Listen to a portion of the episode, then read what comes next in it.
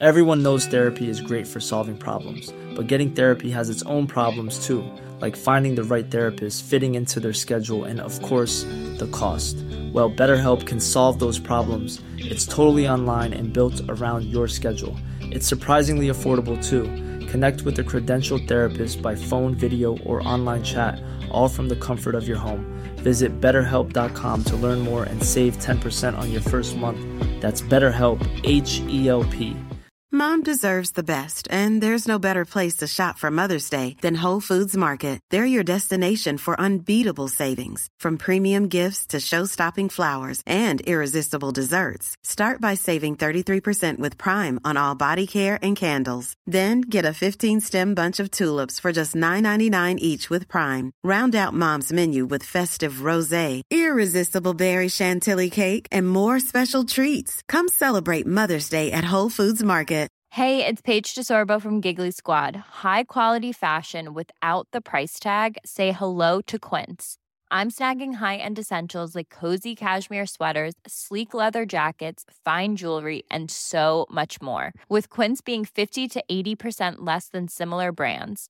And they partner with factories that prioritize safe, ethical, and responsible manufacturing. I love that. Luxury quality within reach. Go to quince.com slash style to get free shipping and 365 day returns on your next order. Quince.com slash style.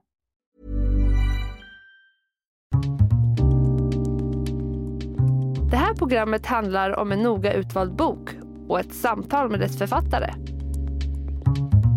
Välkommen till Lära från lärda. Fredrik Hedeborg vid micken och den här veckan har jag en bok i min hand som jag läst som heter Får man säga svart? Från teoretisk ångest till terminologisk trygghet. Med mig har jag författaren Barakat Gabrahariat. Välkommen! Tack så jättemycket. Jag brukar alltid börja med att gästen får presentera sig, så vi börjar där. Gud, jag är jättedålig på att presentera mig. Du, du börjar med med prestation, prestationsångest på en gång. Men statsvetare och föreläsare, vi kan väl säga det då. Och jag är också mitt i, eh, min, jag har återupptagit ett gammalt masterprogram. Så mitt mål är att söka doktorandtjänst. Jaha. Så att jag gör det, sen föreläser jag och så håller jag på att prata om boken givetvis. Mm. Doktorandtjänst inom statsvetenskap? Eh, antingen statsvetenskap eller eh, global media studies. Men jag är rätt öppen för vilken eh, institution det ska vara. Så länge det är, är liksom inom, i, linje med mitt forskningsämne. Mm. Vad brukar du säga, vad har du för hisspitch till boken? Vad handlar den om? Det behövs inte, alltså du har rubriken. Jag tycker rubriken är talande. Eh, de allra flesta får en slags en känslomässig relation nästan till, till rubriken. Ja. Alltså känslomässig i den bemärkelsen att man kan, man, kan, man kan känna igen känslan av att ha upplevt ängslighet kring hur man ska prata om hudfärg, om man ska prata om hudfärg, när man ska prata om hudfärg. Så eh, det hjälper mig att eh, det leder in jag håller med. Jag, jag har testat den på, det var några som frågade vad jag läste. Jag sa bara rubriken. ja, exakt. de kopplar, för jag tänkte att man, bara, man kanske tänker att det är väggfärg eller något annat. ja, exakt. Eh, Men nej, jag håller med. Den, Ja, den eh, Ja. går fram. Men egentligen, alltså, jag brukar alltid säga att det här är eh, en slags, jag brukar kalla det för en kompass eller antirasistisk GPS om man så vill. För att kunna orientera sig i begreppsdjungeln. Det är svårt att förhålla sig till ett politiskt explosivt koncept som hudfärg. Mm. Eh, så det är det jag, den här boken försöker att lotsa och hjälpa läsaren. Mm. Om man säger så här då, vad, hur har den växt fram? Varför har du skrivit den? Den har växt fram organiskt. Jag eh, eh, har alltid arbetat med antirasism i olika skepnader. Jag är en obotlig språknörd. Språkpolis skulle elaka tungor säga. jag intresserar mig väldigt mycket för kommunikation överlag och har ju en grundexamen i journalistik och media and communication. Så att eh, det har varit ganska självklart att jag fokuserar just på. Och sen att den här ängsligheten är så talande i Sverige Ja. eh, har ju visat mig ett tydligt behov av det här. När jag läste det så tänkte jag också, varför har inte det här skrivits om mer eller tidigare? Mm. Eller finns det någon annan bok som... Ja, men det finns ju, for- forskare har ju diskuterat det här så det är väldigt viktigt att komma ihåg att det här är en etablerad problem, problembild inom forskningen. Ja. Eh, Men du har helt rätt att ingen kanske riktigt har eh, adresserat det så, så tydligt som jag har gjort. Nej. Det är kul, och jag tycker det är kul med sådana böcker som fyller en, en självklar plats. Ja, tack. Ehm, Och vad är det här för noja då? Här, du, du eh, lanserar ju begreppet teoretisk ångest. Ja, exakt. Vilket jag tycker är bra. Ja, jag fick ju själv höra det en gång, så eh, i boken så creddar jag upphovspersonen till det här. Nadia Issat hette hon. Och eh, när jag var på någon eh, mångfaldskonferens på Gotland, det måste ha varit över tio år sedan i alla fall, så blev jag eh, ditbjuden som en slags critical friend. Det stod på uppdragsbeskrivningen att jag skulle dela ut käftsmällar och skapa dålig stämning. Och det tänkte jag så här, men det, det är jag ju, och det har jag gjort sedan jag var åtta. Eh, så jag åkte dit och det var eh, eh, landets alla kulturchefer, inte alla men majoriteten av landets kulturchefer hade samlats på en kulturkonferens. Och eh, jag blev ombedd att eh, hålla ett, en workshop. Och eh, Nadja skulle rama in det här samtalet och så sa han idag har vi bjudit in Barakat. Han ska prata om eh, vithetsnorm, eh, rasifiering, eh, diskriminering, hudfärg. Och så sa han någonting i stil med är det någon som vill ställa en fråga eller någonting och det var knäpptyst i rummet. Man kunde höra en nål falla. Och alltså, det blev så här stelt. Och då sa Nadja så här, men herregud, vi måste komma över den här teoretiska ångesten. Och jag minns att när jag hörde begreppet så var jag så här, det här ordet gav mig det hjälpte mig att konceptualisera ett fenomen som jag har stött på så många gånger. Eh, och sen tog jag med mig det sen dess. Och vad betyder det mer exakt? Ja, ah, förlåt, just det, du bara säger, ah, okej, okay, bra story, men svara på min fråga. Nej, men det betyder helt enkelt att vi har en ängslighet kring hur vi ska uttrycka oss. Eh, när det kommer till frågor om diskriminering och hudfärg. Mm. Eh, och social identitet egentligen. Så hon fångade upp just den här, den här ängsligheten för att säga fel och säga fel. Mm. Och jag hade det samma sak, jag hade en annan gäst som satt i rullstol som har skrivit om det. det. Som, som, är som totalförlamad och sådär. Och där kände jag också, både under och inför, att jag, jag hade lite liksom, vad får man säga och inte säga? Precis, jag känner igen mig jättemycket i det och jag skriver just om eh, funktionsnedsättning och normbrytande funktionsvariation. Jag har en konversation om det. För jag ja. drabbades av teoretisk ångest när jag skrev boken. Ja. För jag ville hitta paralleller och då hamnade jag i ett läge när jag hörde av mig till en redaktör. Jag bara så här, jag ska nog steka det här kapitlet. Men så kom vi gemensamt överens om att ja, men det skulle besegras i syfte prata om den här ångesten som du upplever istället. Och då tänkte jag så här, det är sant, det är väldigt pedagogiskt tacksamt. För att vi alla eh, kommer att uppleva någon form av teoretisk ångest i olika sammanhang. Därför det är svårt med begrepp och, och eh, kommunikation. Ja. Eh, om, om man tänker, den, vad skulle du säga är den generella uppfattningen? Vad tycker folk generellt att man får säga och inte säga? Vad är känsligt egentligen? Ja, men jag tror hudfärg just, det är det, är det liksom som jag lyfter fram ju såklart ja. i den här boken. Och, eh, jag upplever att det här är ett generellt, Ehm, en, generell problembild. Men det är ehm, extra synbart när det kommer just till, till hudfärgsrelaterade frågor. Ehm, att nämna etnicitet eller nämna hudfärg. När ska man göra det? Får man göra det? Så det finns en, en, en ängslighet kring det. Och jag tror eh, den snällaste tolkningen du kan göra är att det beror på att många människor är brydda om att inte säga saker som är diskriminerande eller rasistiskt. Så jag har empati för att det kommer från en, från en, en positiv intention eller en god intention. Eh, ja, och det skulle jag ju skriva under på också. Jag ja, tänker också, ja. nej men det, det gör man ju inte. Man nej precis, jag tror inte de om... flesta vaknar på morgonen och tänker så här, nu jävlar ska jag vara rasistisk eh, under eftermiddagen. Alltså, det, det, är inte alltid så man resonerar. Sen finns det såklart sådana människor som har som sin livsmission att, att vara rasistiska också. Men överlag så tror jag att det, det kommer från en, från en plats av välvilja. Men, men, om vi tar en, en sak i taget då. Eh, om ja. vi tar ras. Ja. Som man in, i, I Sverige pratar man inte ja, om det, ras. Eh, I USA gör man det. Mm. Eh, och där kan jag tycka att man gör det så mycket så att det är nästan så här, men kan ni sluta prata? Det är ju mm. som att det blir super, super viktigt. Just det, just det. Kan, kan, man känna som svensk. Mm. Kanske att det liksom leder till också att man, som en viss rasism. Mm. Jag vet inte. Men det är en bra fråga. Alltså, jag, jag tycker man ska ha med sig och i ett sånt här forum tror jag att man har råd att nyansera och fördjupa. Och eh, det, är, det är alldeles självklart så att det finns alltid en risk att du accentuerar ras om du pratar om det. Som pedagog försöker jag ta ett eh, stort eh, ansvar att, ehm, genom att hela tiden poängtera att jag pratar om ras som en social konstruktion. Jag pratar inte om ras som ett biologiskt faktum. Eh, utan vi, vi pratar om de här idéerna om ras som fortfarande lever kvar i våra samhällen. Ras är egentligen enkelt uttryckt att vi tillskriver hudfärg social mening. Och den här meningen i sin tur, den präglar människors livsvillkor. Den resulterar i diskriminering för människor som bryter mot vithetsnormen och eh, den eh, resulterar i privilegier för människor som tillhör vithetsnorm eller är white passing. Eh, så att det är väldigt viktigt att komma ihåg att vi använder det som ett analytiskt redskap och ingenting annat. Det är för att jag ska kunna prata om att jag blev stoppad av polisen för att det finns stereotypa idéer om svarta personer.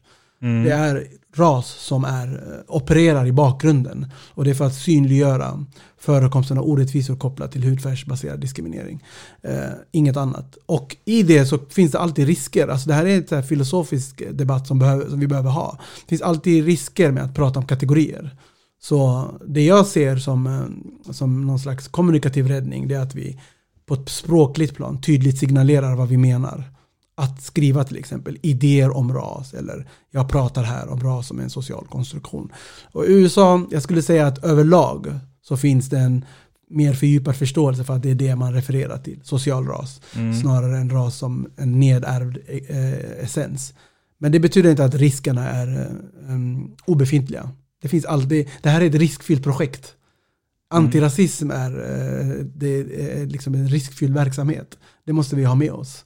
Och eh, därför behöv, behöv, tyckte jag också den här boken behövdes. Att jag har ju passage i boken där jag pratar om att du kommer att göra fel. Här är vad du kan göra när du väl trampar i klaveret. För det kommer att hända. Mm. Det är bara um, alltså att, att, ha, att känna ängslighet.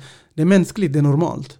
Det är bara sociopater och döda människor som inte har eh, känslor.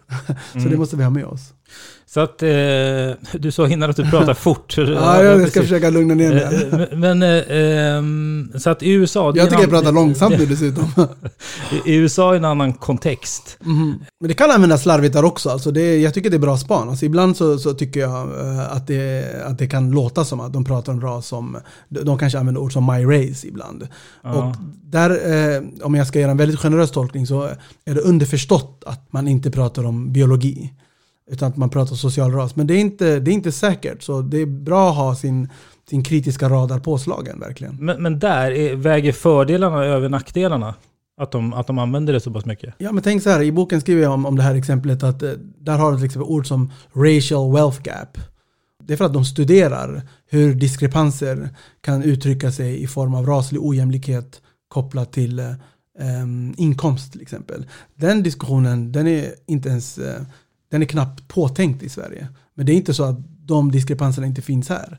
Så vi behöver de här begreppen för att kunna synliggöra och i ett andra skede motverka diskriminering kopplat till hudfärg. Mm. Så det, jag tillskriver de här begreppen bara ett instrumentellt värde.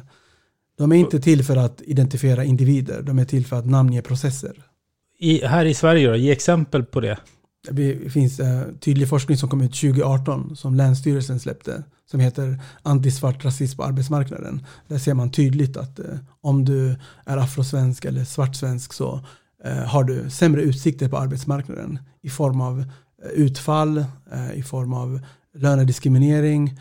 Eh, vi vet till exempel också att eh, afrosvenskar utsätts för hatbrott i betydligt större utsträckning än andra minoritetsgrupper. Eh, och om jag inte har det här vokabuläret, hur ska jag då kunna prata om det? Det är egentligen den stora poängen. Ja, just det. Det är, då, det är användbart Ja, exakt. eh, och då man använder det. Exakt, så du bör använda det och när du väl gör det så tar jag i alla fall ett stort ansvar för att vara pedagogisk kring det. Eh, Att eh, vara väldigt tydlig och noggrann med att i Sverige behöver vi braska väldigt mycket. Det, det har också att göra med det kulturella klimatet. Det skulle inte funka om jag gick ut och sa ras hit och ras dit. Det skulle uppstå mer eller mindre dramatiska reaktioner på det. Så det har också att göra med att anpassa sig till, till landskapet. När jag föreläser på engelska eller i en anglosaxisk kontext, då känner jag mig mycket friare. Då litar jag mer på att eh, min publik förstår vad jag menar när jag säger race. Mm, just det. Vad ingår i ras? Hur menar du nu? Ja, men, alltså om man pratar hudfärg, Exakt. det är inte ras. Ja, nej men precis. Man skulle säga, ah, det finns en metafor som forskare använder, de brukar prata om politisering av pigment. Eh, och det tycker jag så här, fångar upp det. Och det är just det här att vi har gjort, eh, vi kodar hudfärg eh, och andra utseendemarkörer med kulturell mening. Så det är inte så att hudfärg i sig har eh, en betydelse. Hudfärg i sig är, det är banalt. Det, är, alltså det handlar bara om att vi absorberar solstrålar på olika sätt. Och nu, nu, nu pratar jag väldigt eh, generaliserande här. Men det intressanta är det vilken mening vi fyller hudfärg med. Det är i, i, i den samhälleliga kontexten som hudfärg får social betydelse. Och det är ofta som man brukar prata, man brukar prata om hudfärgens sociala betydelse. Det är egentligen det som är ras. Eh, det är de här ideologierna, stereotyperna, berättelserna som vi tillskriver olika hudfärger. och att det i sin tur har eh, materiella effekter. Alltså det spelar roll för människor i det verkliga livet. I vilken kropp du bor i. Eh, det kan resultera i att du får mindre möjligheter att um, tillskansa dig en bostad på bostadsmarknaden. Det kan leda till att du blir stoppad av polisen eller tullen. Så det leder till diskriminering. Mm. Och uh, det är därför vi behöver prata om de här stereotypa idéerna. Så man kan säga så att du blir diskriminerad på grund av hudfärg. Det, man skulle kunna argumentera för att det räcker. Du behöver inte använda rasbegreppet. Och jag är väldigt flexibelt inställd där. Jag, jag, jag tror inte att man måste använda rasbegreppet. Men jag tror att vi måste förstå hur rasbegreppet opererar på samhällsnivå. Så det är min mission med boken, att förklara att vi behöver förstå. På samma sätt som vi pratar om kön och genus egentligen. Mm. Eh, så hudfärg och ras liknar kön och genus på många sätt och vis. Mm. För jag tycker att det, det, blir alltid, oavsett hur man grupperar folk, ja. även i genus ibland när man pratar män Exakt. gör så här, kvinnor gör så här, så blir Precis. det väldigt problematiskt ja, ja, också. Absolut. Men det, där, där tänkte jag så här, du är inne på intressant spår Jag tänker att när vi pratar om genus så är det snarare de stereotypa egenskaperna som vi tillskriver kön. Vi har en idé till exempel om att män gråter inte och kvinnor är mer känslomässiga. Det där är sociala stereotyper och genus hjälper oss att förstå det. Igen, hur vi politiserar kön. På samma sätt har vi politiserat hudfärg. Jag är väldigt noggrann med att säga att hudfärg i sig det har ingen som helst ehm, eh, social betydelse. Det har andra biologiska egenskaper som i sig själva är triviala. Skulle jag. Trivial är ett dåligt ord, men jag menar det finns ju medicinsk anledning att prata om hudfärg ibland. Till exempel att hudcancer tar sig annorlunda uttryck i min hudfärg, min hudton än vad det är i din hudton. Och det, det ska vi kunna prata om. Och I många delar av eh, det medicinska landskapet så är det mer eller mindre okontroversiellt. Så det är en sak. Men det, det jag pratar om med ras är just att vi tillskriver det liksom social betydelse. Mm. Eh, stereotyper, i egenskap av stereotyper. Och att för att kunna förstå de här stereotyperna på djupet måste vi förstå hur rastänkandet fortfarande i, i, i olika förpackningar lever vidare och eh, eh, påverkar människors livsvillkor. Mm. Om vi tar det här med, med hudfärg, som mm. boken heter, om man får säga svart. Ja, exakt. och om man får säga hudfärger. Ja. Va, va, hur tänker du kring det? Det, ehm, det ena är att eh, eh det finns många som, som argumenterar att nej men vi ska inte prata om hudfärg i Sverige och så här, det här är fel. Om, om jag ska en väldigt generös läsning av det här argumentet så, så är det att, det att jag har förståelse för det här som vi har pratat om. Liksom, att du är orolig för att om vi börjar prata jättemycket om hudfärg så kommer vi cementera det. Och vi kommer riskera att överbetona hudfärgs betydelse. Det är en filosofisk risk, det, det ska man alltid ha med sig när man pratar om den här typen av begrepp. Men det som är paradoxalt är att vi, vi pratar redan om ras i Sverige utan att säga ras. Vi använder till exempel kategorier som svensk och invandrare. Vad det i praktiken betyder är vita och icke-vita. Det är inte nödvändigtvis begrepp som fångar upp människor som de facto har invandrat. Eh, så, så det här vet vi av forskning också att svensk och invandrare huvudsakligen används som eufemismer för vit och icke-vit. Mm. Vi använder formuleringar som på Aftonbladet TV så reporten beskrev en man med ett invandrarutseende. Vi alla vet hur en man med invandrarutseende Vi mm. vet vad den här rapporten syftar på. Vi tänker inte på vita danskar när reporten säger det. Eh, jag kollade på första dejten tror jag det var och eh, bartendern frågade eh, kvinnan som, eh, som skulle möta upp sin dejt. Han bara, vad, vad har du för eh, utseende typ? typ vad, vad, vad letar du efter? Något åt det hållet. Och så sa hon så här, jag har alltid gillat de här Kalles Kaviar-typerna. Jag såg det också faktiskt. ja, du såg det va? Ja, ja. Och jag var såhär, Kalles Kaviar, jag får en väldigt tydlig bild i huvudet. Jag tänker, okay, hon gillar vita snubbar liksom. Och han, det var intressant, för bartendern svarade någonting i stil med, ah, okej okay, du gillar det här stereotypa svenska utseendet. Så att han fångade ändå upp den här. Så det, det ska ändå sägas att han, den passerade inte förbi, hans, hans radar gick igång lite grann. Han bara, ah, du menar det här stereotypa utseendet? Hon bara, ah, ja exakt. Och sen så kom det in en vit kille och då sa speakerrösten så här, check på Kalles Kaviar. Jag var så här, Vi alla vet att du men, menar... Men, men vad har det med... Det har att göra med att uh, hon refererar till, uh, till uh, hudfärg utan att säga det explicit. Ja, ja, ja. Jag tänkte också just för att han är så blond kalufs. Okej, okay, ja absolut. Det, men, ja, men fattar, absolut, ja, ja. Det, okej okay, så här. Det, nu... Han var väldigt lik också. Alltså, bara på ja, det var faktiskt. Det är sant. men jag, jag, tycker att du lyfter upp en, en, viktig, en viktig sak här och det är just att i ras som du var inne på så är det, det är inte bara hudfärg. Det är andra markörer också som hårfärg, ögonfärg, alla de här sakerna samspelar. Givetvis, ehm, det är viktigt att säga det. Men huvudsakligen så var det, hon försökte säga vit man. Men mm. någonstans tänker jag, är hon medveten om att det är politiskt kontroversiellt eller socialt oacceptabelt att säga en vit man. Så jag förstår hennes Just det. resonemang ja, också. Precis, precis. Så, jag, så vi med. går runt som katten runt het gröt hela tiden, fast ja. vi egentligen menar. Och, och jag menar inte att vi ska gå runt och säga vit, svart, där, där hela tiden. Utan snarare i sammanhang där det faktiskt har betydelse. Om jag ska berätta om att jag eh, haft ett samtal med en svart person på Coop. Om jag bara säger jag träffade en svart person på Coop, ja. inget mer. Då borde vår alarm gå igång. Ja, eller ja, jag, jag poddar med en svart man idag. ja, exakt. Då borde eh, rimligtvis folk fråga dig, varför nämnde du att han var svart? Exakt. Vad har det med saken att göra? Men då kanske du säger så här, jag poddade med en svart man idag. Vi hade ett långt samtal om hur svårt det är för svarta akademiker att få ett jobb som motsvarar deras kvalifikationer på arbetsmarknaden. Mm. Då var det direkt eh, relevant att nämna det. Så jag brukar prata väldigt mycket om relevans. Att man ska låta relevansen vägleda oss. Så om, du, om det här handlar om diskriminering kopplat till hudfärg, då är det oumbärligt att nämna, eh, man skulle kalla det för en rasmarkör kan man säga. Eh, och där kan man ju välja olika begrepp. Du hade kunnat säga svart, du hade kunnat säga afrosvensk, som är liksom jag skulle argumentera för så bra begrepp. Men mm. du hade också kunnat sagt färgad till exempel, vilket är ett dåligt begrepp. Så jag brukar snacka om relevans och rättvist. Så du kommer långt genom att bara tänka om det är relevant eller inte. Rättvisa är, använder du bra begrepp begrepp som inte är bärare av diskriminerande idéer eller eh, begrepp som inte bär på ett historiskt bagage som kan vara rasistiskt till exempel. Eh, då hade jag kanske frågat det, vadå färgad? Vad hade han för färg? Har inte du en färg? hade jag kanske sagt. Och då hade du hamnat mm. i att, ah, jo det är sant, det är klart att vit är en hudfärg. Då hade vi kunnat adressera till exempel vithetsnormen. Alltså det är också en hudfärg. Att, att vara vit är också en etnicitet och så vidare. Så jag hoppas liksom att vi kan öva upp förmåga att, att prata om hudfärg i, i sammanhang då det är relevant. Och det paradoxala i budskapet är också att jag tycker också samtidigt att vi ska, att vi, eh, vi, vi, när vi inte behöver säga det ska vi inte säga det. Det behövs inte. Det finns många sammanhang då vi nämner etnicitet och hudfärg när det inte har någonting med saken att göra. Och då är det huvudsakligen om människor som bryter mot normen. Vi, vi, vi pratar om hudfärg. Jag vet inte om du kan minnas situationer då någon har sagt att ah, jag var ute och spelade pingis, det var jag och tre vita killar.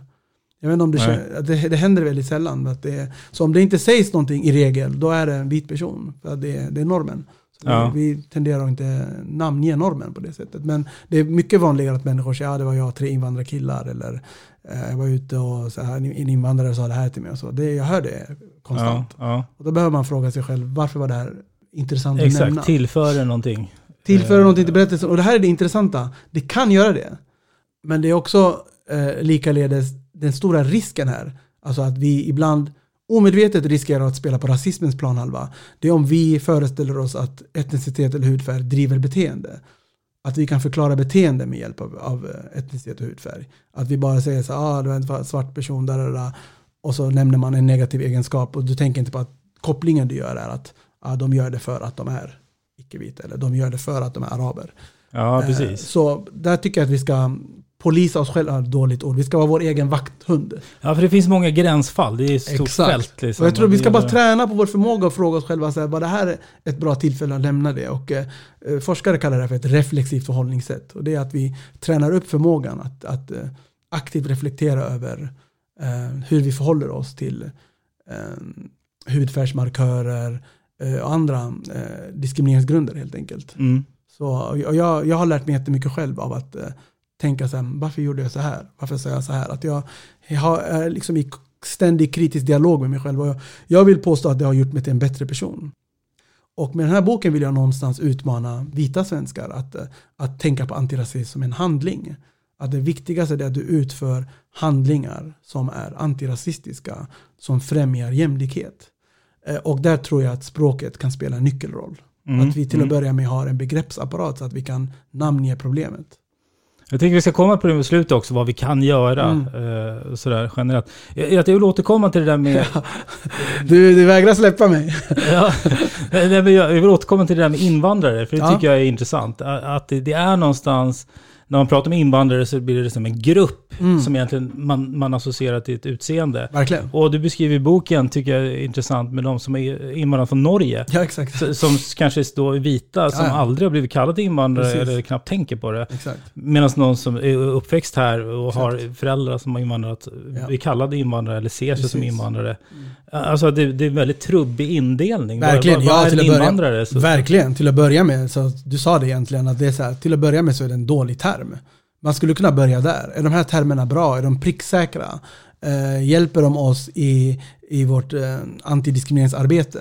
Alltså det här är de frågor jag ställer för att jag jobbar med antirasism och eh, jämlikhet. ja. Så jag, jag börjar alltid med att ställa frågan, är det här ett bra begrepp? Alltså jag, är så här, jag använder också mycket min vetenskapshjärna. Det är, så här, är det här ett, begrepp som kan operationaliseras? Går det att replikera det? Så jag ställer mycket sådana eh, frågor. Och många av de här begreppen, de är, precis som du sa, de är klumpiga, de är trubbiga. Sen att de ibland riskerar att gå i rasismens eh, eh tecken, det är ett ännu större problem. Att de ehm, eh, i, i, i sin kontext eh, reproducerar ras, rasifierade idéer är också ett, ett stort problem. Det vill säga precis det här som vi var inne på, att om du är vit och, och invandrare från Norge, du kommer som regel inte att kategoriseras som invandrare. Även om du de facto har gjort det. Men, den- eh, den så, så att så, man kan säga så är det, liksom, att vi uppfattar ordet invandrare som vi Precis. associerar med vissa saker och inte. Mm. Eh, Men, men hur ska man då använda det? Eh, Begreppet? Ja. Jag, är- alltså jag är så skeptisk till det begreppet. Jag vet inte om det... Jag, jag tror att jag aldrig använder det om inte jag ska, om inte jag ska kritiskt, eh, alltså om jag inte ska använda det i kritisk mening. Jag tror aldrig att jag använder det eh, löst och ledigt. Jag tror att jag aldrig har gjort det. Men jag tänker om det finns en funktion liksom om man pratar eh, politiskt Ja, eller om just man, om man jobbar Ja. med, vad vet jag. Vad tänker du? Alltså, när, när, när tänker du att du skulle behöva använda begreppet?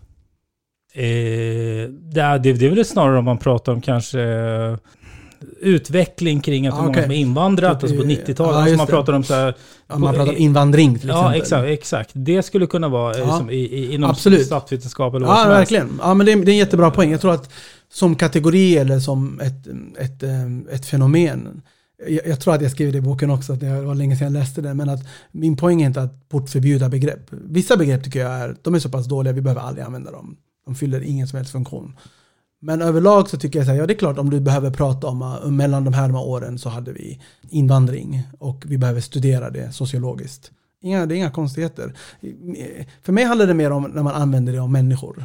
Och att det här begreppet också är bärare av diskriminerande föreställningar. Och det är viktigt att, att, att tänka på att för oss som, är, oavsett om vi är födda här eller inte, reduceras och eh, homogeniseras till invandrare. Eh, för det första så är det, det fråntar människor möjligheterna till individuella uttryck. Alltså det gör människor mindre komplexa än vad vi faktiskt är. Eh, och det andra så är det, jag kommer ihåg till exempel när, jag tror att jag skrev om det här i boken, jag är inte säker, men när vi brukade gå ut förut så det var någon vakt som hade sagt till oss, ah, tyvärr, vi kan inte släppa in er. Det var några invandrare från Rinkeby förra veckan, de, de, de bråkade.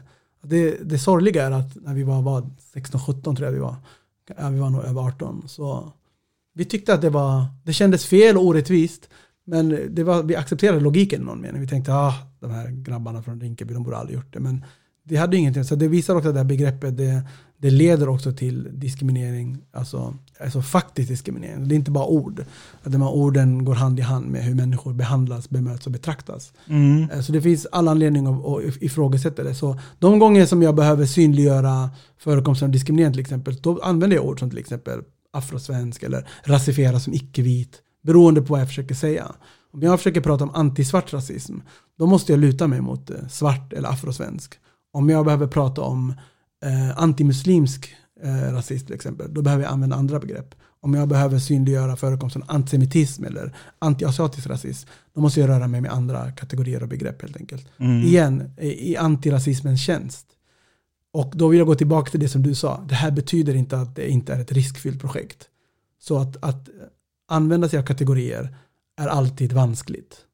Så vi måste vara väldigt eh, försiktiga och tydliga med vad, vad vi menar. Att vi använder de här kategorierna på gruppnivå eller vi använder de här kategorierna för att synliggöra kategorierna. Det är det som är paradoxen. Vi behöver använda kategorier för att synliggöra kategorier. Mm, ja, precis. precis, Eh, och precis. Det är så här, du kommer inte runt det. Jag måste prata om ras för att synliggöra ras.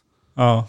Och då eh, minimum vad, du kan göra är att använda ras inom citationstecken. Det är ett minimum. Ja. Så när jag har varit ute och, och pratat med media nu till exempel, då har jag varit noggrann med att säga till dem, men lägg det inom citationstecken. Men jag försöker också utmana diskursen, att vara lite, lite mer järv när jag pratar. Att numera försöker jag utforska, vad händer om jag bara säger ras? Förstår människor mig? Eftersom jag har varit ute så mycket i, i debatten och i diskussionerna, så vill jag också se om jag, om, om, om, om jag kan eh, jag vill inte skriva eh, läsaren på näsan heller, eller lyssnaren. Jag, jag utgår ifrån, jag har ett förtroende för, för de som lyssnar, att de förstår vad jag pratar om. Men det är ett eh, fram och tillbakande hela tiden. Ryan Reynolds here from Mint Mobile. With the price of just about everything going up during inflation, we thought we'd bring our prices down. So to help us, we brought in a reverse auctioneer, which is apparently a thing. Mint Mobile unlimited premium wireless. Ready to get 30, 30, bit to get 30, bit to get 20, 20, 20, bit to get 20, 20, bit to get 15, 15, 15, 15 just 15 bucks a month. So, Give it a try at mintmobile.com slash switch. $45 upfront for three months plus taxes and fees. Promo rate for new customers for limited time. Unlimited more than 40 gigabytes per month. Slows. Full terms at mintmobile.com. Hiring for your small business? If you're not looking for professionals on LinkedIn, you're looking in the wrong place. That's like looking for your car keys in a fish tank. LinkedIn helps you hire professionals you can't find anywhere else, even those who aren't actively searching for a new job but might be open to the perfect role. In a given month, over 70% of LinkedIn users don't even visit other leading job sites. So start looking in the right place. With LinkedIn, you can hire professionals like a professional. Post your free job on linkedin.com/people slash people today. Millions of people have lost weight with personalized plans from Noom, like Evan, who can't stand salads and still lost 50 pounds. salads generally for most people are the easy button, right? For me, that wasn't an option. I never really was a salad guy. That's just not who I am. But Noom worked for me. Get your personalized plan today at Noom.com. Real Noom user compensated to provide their story. In four weeks, the typical Noom user can expect to lose one to two pounds per week. Individual results may vary. Det är mycket jag vill prata om, så jag måste kolla på Ja, kör, det är lugnt alltså. Jo, men en, en, en intressant del som du tar upp i boken också, som jag... Eh, för så, det är lite som jag har tänkt själv, och du skriver om det så jag känner mig väldigt träffad. Det, det är det här med, jag har en inställning själv att jag inte liksom, varken försöker ta hänsyn till liksom kön eller hudfärg, eller om någon sitter i rullstol, eller kort eller lång, Ja, utan så här, man, man behandlar alla lika. Precis. Så här, alltså jag ser mig så liksom antirasistisk och jag kan säga, men jag, eller jag tror du uttrycker boken, jag ser inte färg, jag bryr mig Mm. inte om eh, hur någon ser ut. Eh, så då är det lugnt. Ja. Alltså nu, nu säger jag det lite jag grann fattar, för att liksom. Jag fattar. eh, För jag vet att du, du beskriver också fler som har den inställningen. Ja, exakt. Eh, bra, då, då är det liksom Ja. lugnt. Ja. Eh, samtidigt så tillhör jag en grupp som är privilegierad. Mm. Eh, Den är svår, privilegierad. är. Aha. alltså jag är eh, vit man själv, så det är ju lätt att sitta här och säga att det är inga problem med det här. Ja. Eh, Och jag, alltså grejen är, jag uppskattar att du, att du eh, har en sån här validerande ton. Alla har ju inte det. Ett, ett empatiskt ingångsvärde till konversationen. Du börjar med att säga, jag förstår att jag som vit man kanske inte ser de här. Så du börjar med att eh, namnge och erkänna dina privilegier. Det gör eh, konversationen mycket lättare för mig. Alltså det gör att, eh, för mig, då tänker jag så, okay, det här är en person som har förståelse för att jag inte har den lyxen. Alltså, för mig är det motsatsen. Jag tänker alltid på min hudfärg. Jag ställer alltid frågan, hände det här för att jag var svart? Hade det här hänt om jag inte vore vit? Det är som ett, lax, eh, som ett, som ett lackmustest som jag alltid har i huvudet. men Och det jobbigt? då? utmattande. Ja, precis. Och jag vet på ett intellektuellt plan att det finns många sc- scenarion och situationer där min hudfärg inte hade någonting med saken att göra. Nej. Men det, det, det, det, det att jag går runt och är spänd och, eh, och eh, behöver tänka den tanken. Säger någonting om vilka, vilka radikalt olika upplevelser vi har av samma värld. Så jag har ju alltid med mig de här frågorna och jag försöker verkligen tänka på att eh, det inte alltid är det som händer. Så Jag kan ta ett exempel. Det händer ofta att människor pratar engelska med mig och då pratar jag med människor som inte känner mig. Automatiskt? Ja, ja automatiskt. De vet inte vem jag är. Så Men du tror att det beror på din hudfärg? Eller, Absolut, eller de läser min kropp. Och det här är något som sker väldigt omedvetet. Det är inte så att de vaknar upp på morgonen och tänker så här, idag ska jag diskriminera en afrosvensk person på Södermalm. Det är en rolig sketch om det vore så, men det, det, det är inte så det funkar. Utan man gör läsningar av olika kroppar. Och det är här man brukar inom... Eh, Men det är, det är inte en amerikan som kommer och pratar? Alltså Nej, jag pratar om vita svenskar huvudsakligen. Är det som sant? Gör det här. Ja, ja, ja. ja, det, händer är helt otroligt. Ja, det här händer, det händer alltså väldigt ofta. Så det är inte så att det har hänt en gång i tvättstugan. Det här är, eh, händer ofta. Och eh, det som är intressant här, och inom forskare man brukar prata om kumulativa effekter. Så när vi pratar om eh, de här händelserna i våra liv så är det för att de händer väldigt ofta. Det är inte en engångshändelse, eh, det är så här många bäckar små. Men eh, jag ska svara på din fråga. så att säga att du inte ser färg, för det första så det stämmer inte enligt forskningen. All samlad forskning visar att vi, inte bara att vi ser färg, men vi gör också antaganden mellan hudfärg och egenskaper. Så vi har idéer. Vi absorberar diskriminerande idéer av vårt omgivande samhälle. Och det finns alltid en risk att vi omsätter dem i praktiken. Det är det som är den stora varningen. Så om du, har, om du bombarderas med, med bilder av eh, icke-vita och eh, brott och kriminalitet, vilket vi har en sån situation i Sverige idag, så kan du räkna med att du inte är immun mot de här bilderna. De kommer, vi socialiseras. Vi kommer på ett eller annat sätt komma i kontakt med bilderna och det finns en risk att vi föreställer oss att världen är sådär svartvit som till exempel många medier kablar ut. Så det, det vet vi att, att människor inte gör. Det andra är att säga det, det är en antirasistisk björntjänst eftersom vi vet av forskning, studier, vittnesmål att eh, hudfärg spelar roll. Så det är eh, eh, snarare ett, ett tecken på dina egna privilegier. Så att jag går och säger till exempel när jag, gick, när jag hängde på fritidsgården när jag var 14 så hade de tjejkväll två timmar i veckan. Två timmar bara. Då fick inte vi killar vara, vara på fritidsgården. Det tyckte jag där och då var en otrolig orättvisa.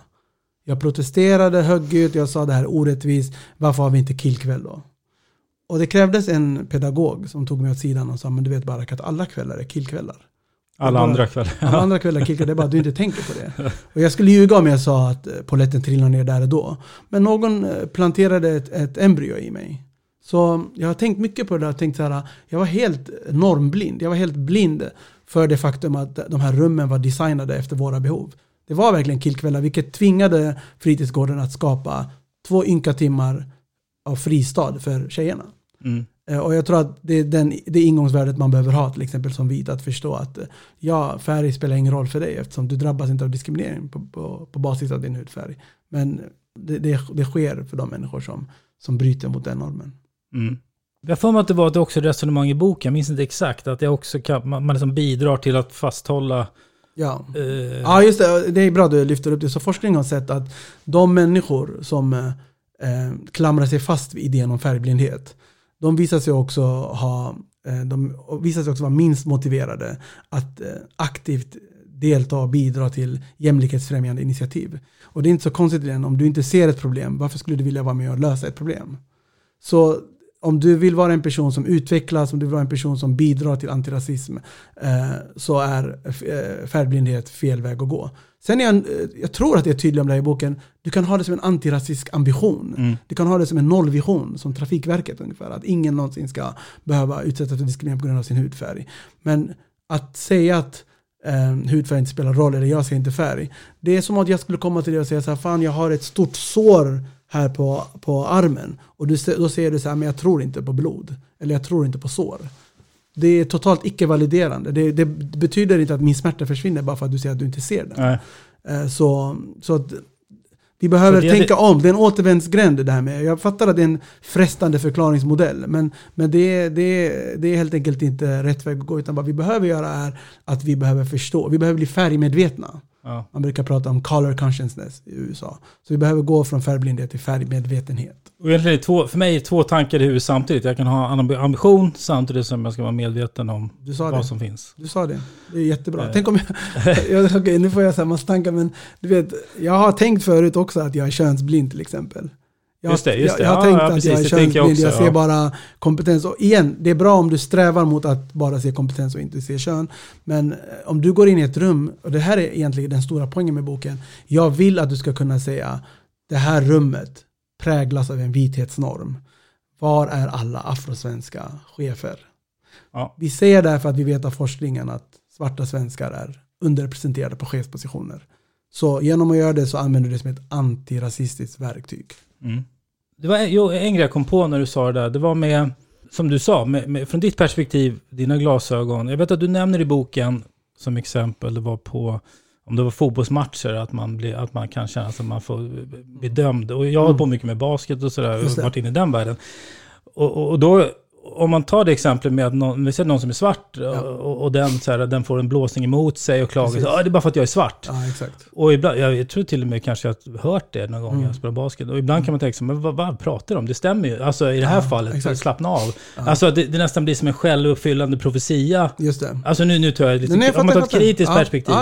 För det kan säkert vara så om man tittar på statistik. Men ibland kan man säga, men, men det blir som att någon har en hudfärg och själv nästan projicerar. Just det. Aha, jag, nu blir jag dåligt behandlad här. Ja. Alltså söker sig. Ja, okej, okay, då är jag med. Kan det inte bli så också i vissa lägen? förstår du vad jag, jag menar? Jag förstår exakt vad du menar. Jag har varit med i så många situationer. Eh, det här med till exempel att människor pratar, pratar engelska med mig.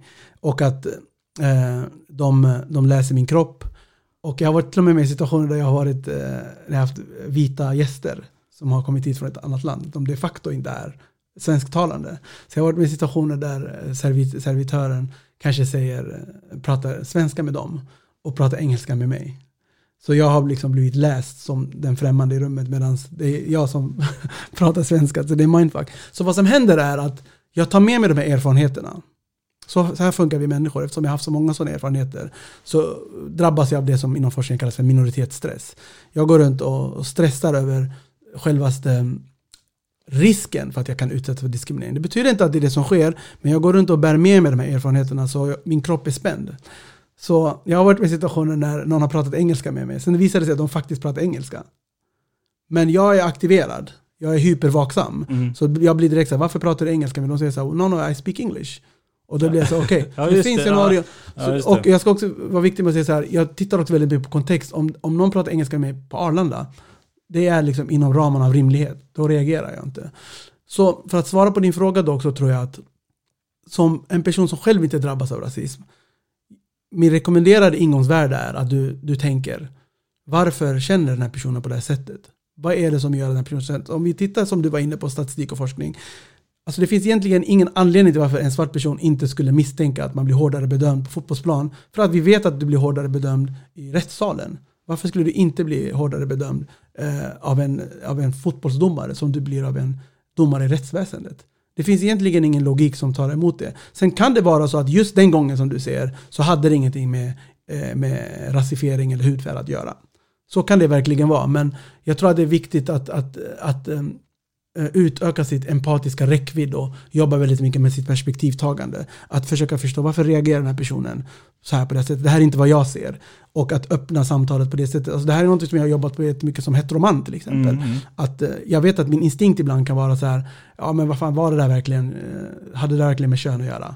Jag vet att min, på, i magtrakten så kan det bli så här, nej. Ja, men jag, jag, tänker när man har varit på krogen, då kan det vara att man kommer in och så, hade jag varit en tjej hade kommit in, bara för att jag är kille som inte kommer in. Ja, precis. Alltså för att tjejer ja, exakt, sådär. Exakt, ja. Det behöver det inte vara. Nej. Jag, kanske... jag kommer ihåg många situationer när, när vi inte fick komma in, när vi, alltså det här är alltså en klassisk berättelse, att du går i, ut med två vita vänner och man är två icke-vita och de vita kommer alltid in och vi får höra, du har druckit för mycket, vi har druckit exakt lika mycket, eh, du har fel skor, vi har exakt eh, samma skor.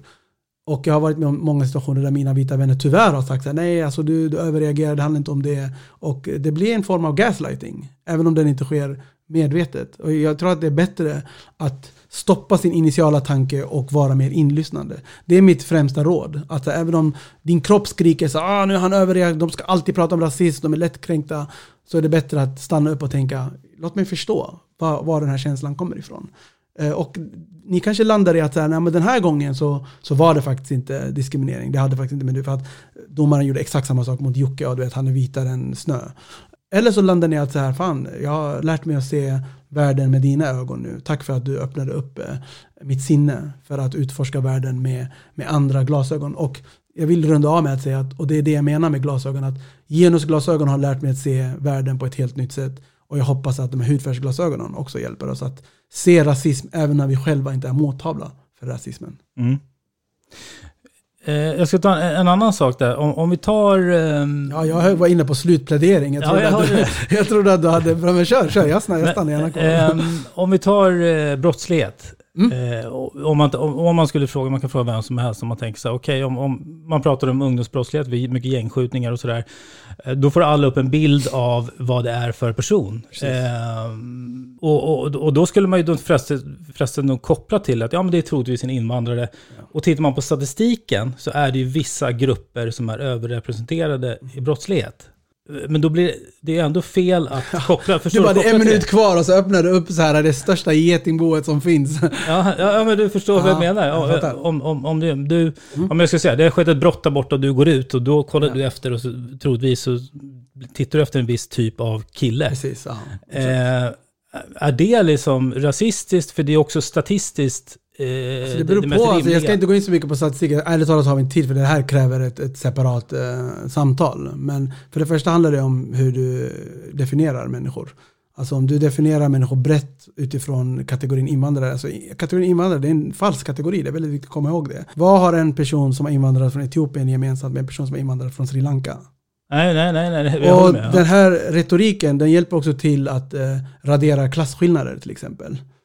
Så eh, det, det, är många faktorer här som, som behöver tas i beaktande när vi börjar tala i termer av över, överrepresentation. Överrepresentation i förhållande till vad och till vem. Eh, varför tänker vi inte likadant när det kommer till vita svenskar? Anser vi att, att, att, att vita svenskars beteende också eh, i någon mening dikteras av deras hudfärg? Det gör vi inte. Så det finns många kritiska följdfrågor som vi skulle kunna ställa. Vad jag vill däremot adressera som jag känner att vi har tid med nu, det är att när jag växte upp och till denna dag så det är väldigt viktigt att komma ihåg att de här, de här berättelserna och den här retoriken, den drabbar riktiga människor. Jag kan inte med en hand eller med två händer ens en gång berätta för dig hur många kvällar som har förstörts av att någon på Stureplan kommit fram och frågat om jag säljer röka. Eller att polisen har stoppat oss bara för att vi ser misstänksamma ut. Det här är, vi snackar om många kvällar som har förstörts. Av, och det, här, det bär alltid emot för mig att eh, dementera att jag figurerar i brottsregistret. För att då blir jag tvungen att förhålla mig till en rasistisk stereotyp. Det borde jag inte behöva göra. Som vit behöver du aldrig förhålla dig till rasifierade stereotyper. Du behöver inte gå runt och, och, och, och, och känna ängslighet kring kommer eh, den här personen ställa den här frågan eller eh, att, att bli spänd varje gång du ser en polisbil. Det, det, det, ska jag inte behöva göra eftersom jag lever inte ett kriminellt livsstil. Jag, jag, jag, borde ha Eh, i, i, i värsta fall ett neutralt förhållande till polisen och i bästa fall så borde jag ha positiva känslor gentemot ordningsmakten. Och det kan jag ärligt talat säga att jag tar till denna dag så aktiveras min kropp när jag ser ordningsvakter eller poliser. Därför att jag har en rad negativa erfarenheter. Och jag ska vara väldigt noggrann i samband då jag inte har varit brottmisstänkt, då jag inte har figurerat i någon form av kriminellt nätverk. Och jag hatar att jag ska behöva säga det här, det stör mig. Jag kommer gå hem efterhand och störa mig på att jag blev tvungen att, att, att um, uh, tala om mig själv i relation till stereotyper. Uh, så det är väldigt viktigt att komma ihåg effekten av det här på vanliga människor. Mm, mm. Uh, och att det här liksom, det, och nu tog jag bara i, i sammanhanget triviala händelser. Och jag säger sammanhanget för att vi vet också att de här stereotyperna de driver diskriminering på arbetsmarknaden. Den här typen av stereotyper kan göra så att människor har svårare att få en bostad. Då snackar vi om grundläggande mänskliga rättigheter där. Eh, så jag vill bara lämna den brasklappen. Mm, ja. Men jag kommer gärna tillbaka en annan gång och går i deep-divar i just det här som du, som du tar upp. Ja. Och jag tycker att man ska kunna prata om eh, etnicitet och hudfärg i alla former och att kunna göra det på ett sätt som inte upprätthåller rasism eller diskriminerande idéer. Det är vår stora uppgift och eh, jag ska också säga igen ett, ett riskfyllt projekt men som behöver göras. Det är lite som om man tar gruppen, om man pratar om gruppen muslimer, mm. vilken är väldigt liksom mångfasterad. Ja, Där är det ju de som, vissa i den gruppen, minoriteter, alltså som är extrema, som ger liksom hela gruppen dåligt rykte eller dåligt publicitet genom sina, som drar med liksom och så uppfattar man ja. alla. Ja, men också alltså, det här, det här dåliga publiciteten ges också av eh, journalister som ser världen utifrån ett stereotypt ja. filter. Så det, det, det, är inte bara att... Alltså jag tror risken med en sån analys är att eh, ansvaret läggs på oss för att det uppstår rasistiska tankar. Jag kan aldrig ta ansvar för att en person tolkar världen rasistiskt. Jag kan ta ansvar för det jag gör. En person kan säga den här Barakat är jävligt otrevlig. Och eh, han kommer alltid för sent, eh, han, han drar alltid över tiden i tvättstugan. Säg det om mig. Så det är sant. Ja. Jävla dålig reklam för mig själv. Men det är sant. Men att eh, det är så viktigt att bara säga återigen det här, eh, vad jag vill med boken är att man ska, man ska få ökad empati, man ska få på sig de här hudfärgsglasögonen så att du förstår hur världen kan se ut om man lever i en icke-vit kropp. Ja. Och hur vi kan, eh, vilka typer av erfarenheter som, som vi möter, fast vi bor i samma stad, samma land, samma värld. Eh, det, det är det som är min önskan. Att så här, döm mig baserat på saker som jag gör. Men jag går konstant och oroar mig för, eh, ja men det, det är öppet tidningen på Aftonbladet och det står ökad kriminalitet. eh, Eller någon har begått ett brott. Jag brukar alltid be en stilla bön, låt det inte vara en icke-vit person. Ja. Har du någonsin känt så när du har, när du har sett någonting kring eh, att någon har begått ett brott? Hoppas att det här inte är en vit person. Nej. Jag tänker så hela tiden. Jag tänkte på eh, ett parallellt exempel, jag, som jag nämnde, hon som satt i rullstol som var här. eh, och Hon beskrev lite också från vad hon upplever eh, ur sitt perspektiv. Alltså bland annat det här med att hon kan eh, bli nekad på restaurang. Mm. Tar inte emot någon med rullstol. Eller någon kan komma fram Verkligen. på gatan och, och ta en hand på axeln och säga jag tycker väldigt synd om dig. Mm. Någon som man inte känner. Man bara, alltså, det är ju sånt som man själv inte... Alltså, skulle någon komma fram till mig och säga att Precis. de tycker synd om mig så Ja. skulle man ju... Men eftersom du har ett, em, ett, en nyfikenhet och, och du drivs av empati och perspektivtagande, håller du med om att man lär sig så otroligt mycket av världen? Man blir rikare i sitt sätt att um, förstå en komplex verklighet. För så känner jag. Alltså, jag minns för bara säkert åtta år sedan när flera av mina vänner började få barn. Så brukade vi vara ute och promenera på stan med, med, med barnvagnen. Det var först då jag insåg hur otillgänglig Stockholms stad kan vara. Alltså det Ja. låter ju så här supertrivialt men så funkar vi oftast. Jag bara shit. Jag bara, alltså jag insåg att vi var tvungna att ta omvägar, en hiss var trasig Ja. och det liksom, eh, din, din- kalender eh, ruckades totalt. Ja, ja. Och eh, det, det fick mig att börja tänka på, aha okej, alltså eh, så här ser alltså världen ut för människor som, och då började jag tänka ännu mer så här, hur är det då man, man är eh, Handikappad, Ja, man åker rullstol, hur är det då? Eh, Och, eh, och jag har varit med i situationer då människor som har varit rullstolsbärande har hört av sig till exempel när jag bjudit dem, jag, jag skrev, kort bara, jag skrev en gång på när jag hade kontor i Gamla stan, då skrev jag så här, all, hej jag har fått ett nytt kontor, jada jada jada. Eh, ni är alla välkomna att komma och besöka mig i kontoret. Liksom. Eh, och då var det en person som skrev som satt i rullstol och sa, ehm, är det tillgänglighetsanpassat? Det intressanta här, det är inte, jag hade inte ens tänkt den tanken. Nej.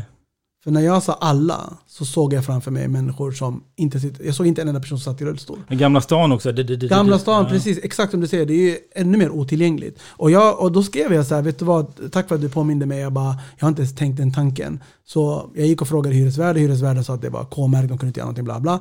Men då bestämde jag mig för att möta upp den personen och ta en fika där de var. Och ibland är det just den här typen av händelser som måste uppstå för att vi ska kunna se världen med andra människors ögon. Ja, Jag håller med, det är verkligen, verkligen lärorikt. Jag lärde mig jättemycket kring den här rullstolsbiten, just Exakt. med den boken, att få Exakt. liksom dem. Och Eh, vad du jag- gör, jag, ska bara, jag kan inte sluta prata, och, och och det jag tycker du gör så bra och fint är att du vidarebefordrar den här berättelsen. Och det, det tycker jag liksom, eh, eh, är så här, det är crash course i hur man kan vara allierad. Du har inte de här problemen, du sitter inte i rullstol, jag gör inte det. Men du har, eh, verkar ha gjort det lite grann till din mission att dela med dig av det här och du har en plattform. Så du pratar om det här, så förhoppningsvis så kanske tio andra människor börjar tänka i de här termerna. Ah, shit, jag har aldrig tänkt på att vi inte har en ramp. Eller eh, jag visste inte att det var så här tufft att, eh, att möta världen eh, när du har normbrytande funktionsvariation till exempel. Eh, så att alltså, empati kan ta oss långt, men vi måste ha viljan. Vi måste verkligen vilja förstå. Och eh, ibland är det lättare att eh, leta efter det som forskare kallar för stereotypkonsistent information. För det är lättare för hjärnan, det är mer belönande för hjärnan att, att vi har rätt. Ja. Det var väl det jag trodde om den här, de här turkarna, eller det jag visste väl att de här svensk-somalierna var på det här Ja, sättet. det. Och hjärnan blir rikligt belönad när vi får rätt så att säga. Ja. Det är mycket svårare att gå mot strömmen. Att eh, försöka bryta invanda mönster och, och kunna säga till sig själv, jag hade fel. Jag gjorde någonting som var rasistiskt, jag sa någonting som var sexistiskt. Eller eh, jag lovade mig själv att jag skulle eh, eh aldrig agera på ett icke jämlikt sätt. Men nu har jag eh, skapat en styrelse som bara består av vita män. Eh, och jag har gjort det. Jag har skapat eh, eh, organisationer och plattformar som har bestått huvudsakligen av män. För att jag har tänkt, Eh, jag har inte tänkt, jag har inte haft på mig genusglasögonen. Och då har jag blivit tvungen att ha svåra konversationer med mig själv. Att säga att även om du inte vaknar upp och tänker att nu jävlar ska jag diskriminera kvinnor. Så finns det en risk att du gör det. Om du inte tar på dig de här glasögonen, har den här analytiska skärpan och bestämmer dig för att du vill vara en positiv kraft i samhällsutvecklingen. Tiden rinner på. Jag vill eh, att vi ska hinna med det sista som är ett medskick. Eller jag brukar säga, förutom att läsa boken, vad ska man tänka på? Jag tycker att man ska läsa boken för att den är väldigt bra. Men eh, jag tycker vi ska, vad, kan liksom jag ta med mig och tänka på? Vad kan lyssnarna ta med sig och tänka på? Men jag tycker vi har sagt väldigt mycket om det här till exempel med att eh, eh, våga drivas av en normkritisk blick. Vilka uttryck får man? Får, får man? Okej, jag ska säga så här. Svart håller in, eh, de flesta, okej det ska verkligen braska här, men det, de flesta svarta personer tror jag inte ligger sömnlösa för det begreppet. Alltså svart är eh, på det stora hela ett socialt acceptabelt begrepp. Men jag, jag, för mig, som jag tar med jag tycker att man i sådana fall, om det fyller en funktion. Ja absolut, ja, Alltså, ja, ja, det alltså precis som att ja. jag pratar med någon har rött hår eller, eller grönt hår. Alltså. Det säger man ju inte bara, utan Absolut. jag säger det om det fyller en funktion. Ja, men du kanske skulle titta tillbaka i din poddhistorik, jag har, inte sett det här.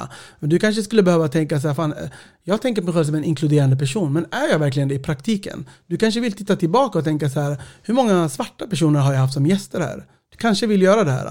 Ja, men problemet där är att jag, jag bjuder in utan att veta hur de ser ut överhuvudtaget. Okej.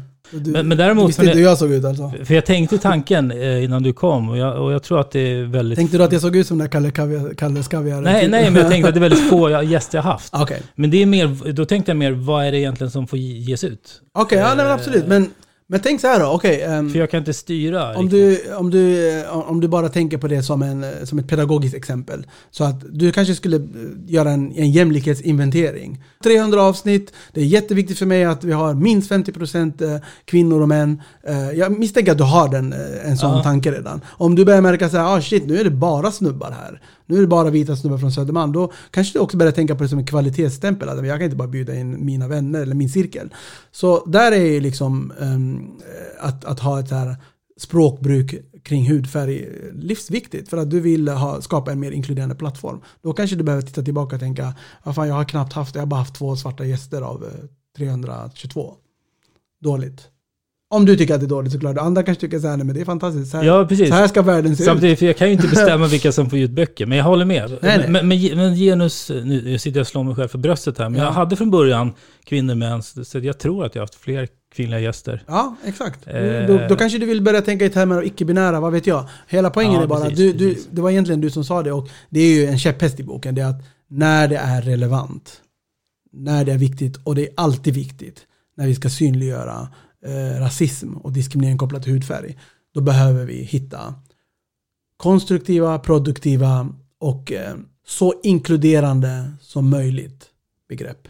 Och jag säger det här för att det finns inga perfekta begrepp. Det finns inga vattentäta termer. Det är lönlöst att sträva efter millimeterprecision.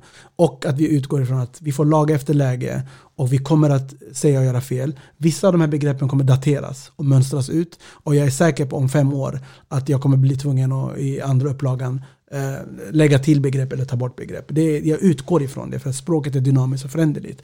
Eh, så det får man också ha med sig. Så det, det, vi, vi, vi kommer alltid, vi, ett förhållningssätt som jag brukar rekommendera att tänka på dem i termer av bra och mindre bra begrepp snarare än fulländade och perfekta, för det kommer de aldrig vara. Var det några begrepp som man kan lägga i där? Mer Ja, ja alltså bra, jag tycker bra? absolut. Alltså, svart funkar i regel. Du kan säga afrosvensk. Eh, Jag tycker det finns något fint i afrosvensk, även om jag också vet att gemene person sällan använder det. Så, så är afrosvensk något som används väldigt mycket av myndigheter, intresseorganisationer och, eh, och inom forskning delvis. Att man, man, man pratar om afrosvensk. Det finns något inkluderande att säga afro och svensk. Det betyder egentligen svartsvensk i praktiken. Och, eh, färgad, dåligt begrepp, stärker vithetsnormen, Uh, utgår ifrån att människor som är vita inte har en hudfärg. Uh, historiskt sett används för att förtrycka svarta personer i öppet rasistiska regimer. Det finns egentligen, och det är också deskriptivt ett dåligt term.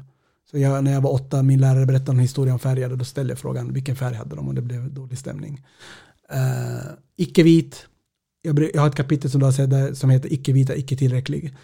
Nej, precis. Samtidigt är det ett begrepp som vi ibland behöver. Det, men det är som att kalla en kvinna för icke-man. Ja, exakt. Alltså, på- många sätt, och det är också den kritiken den har fått, att man, man, eh, man eh, konceptualiserar människor utifrån vad de inte är och att det i sin tur stärker och göder vithetsnormen. Och, och det är sant, men det är också ett begrepp som vi ibland behöver. För vi vet till exempel av studier att människor som, eh, ja men här, som, som oftast stigmatiseras som invandrare, det betyder egentligen att de är icke-vita. De, de, vi utsätts för Eh, en rad olika diskrimineringar i samhället. Och ibland så behöver jag göra en bred utsaga och kanske säga att eh, vi vet av forskningen att människor som rasifieras som icke-vita eh, har svårare att etablera sig på arbetsmarknaden. Då, då behövde jag säga det.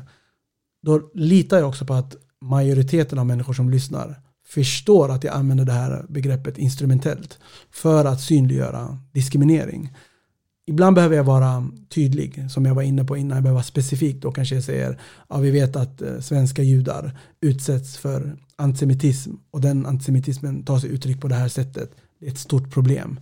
Eh, eller återigen, afrosvenskar. Vi vet att afrosvenskar är så, um, överrepresenterade i sårbara låglöneyrken och underrepresenterade när det kommer till chefspositionen. Stort problem. Så att vi måste vägledas av det vi försöker säga. Ibland kanske det är viktigt att säga att jag är svensk etiopier. Identitet är flytande. Vi Mm, har mm. olika identiteter i olika sammanhang. Om man lyssnar på det här och vill ställa någon fråga till dig, vad hittar man dig lättast? Eh, Barakat understreck G på Instagram, där jag är mest aktiv. Eller på LinkedIn. Tack för att du var med. Tack för att jag fick komma.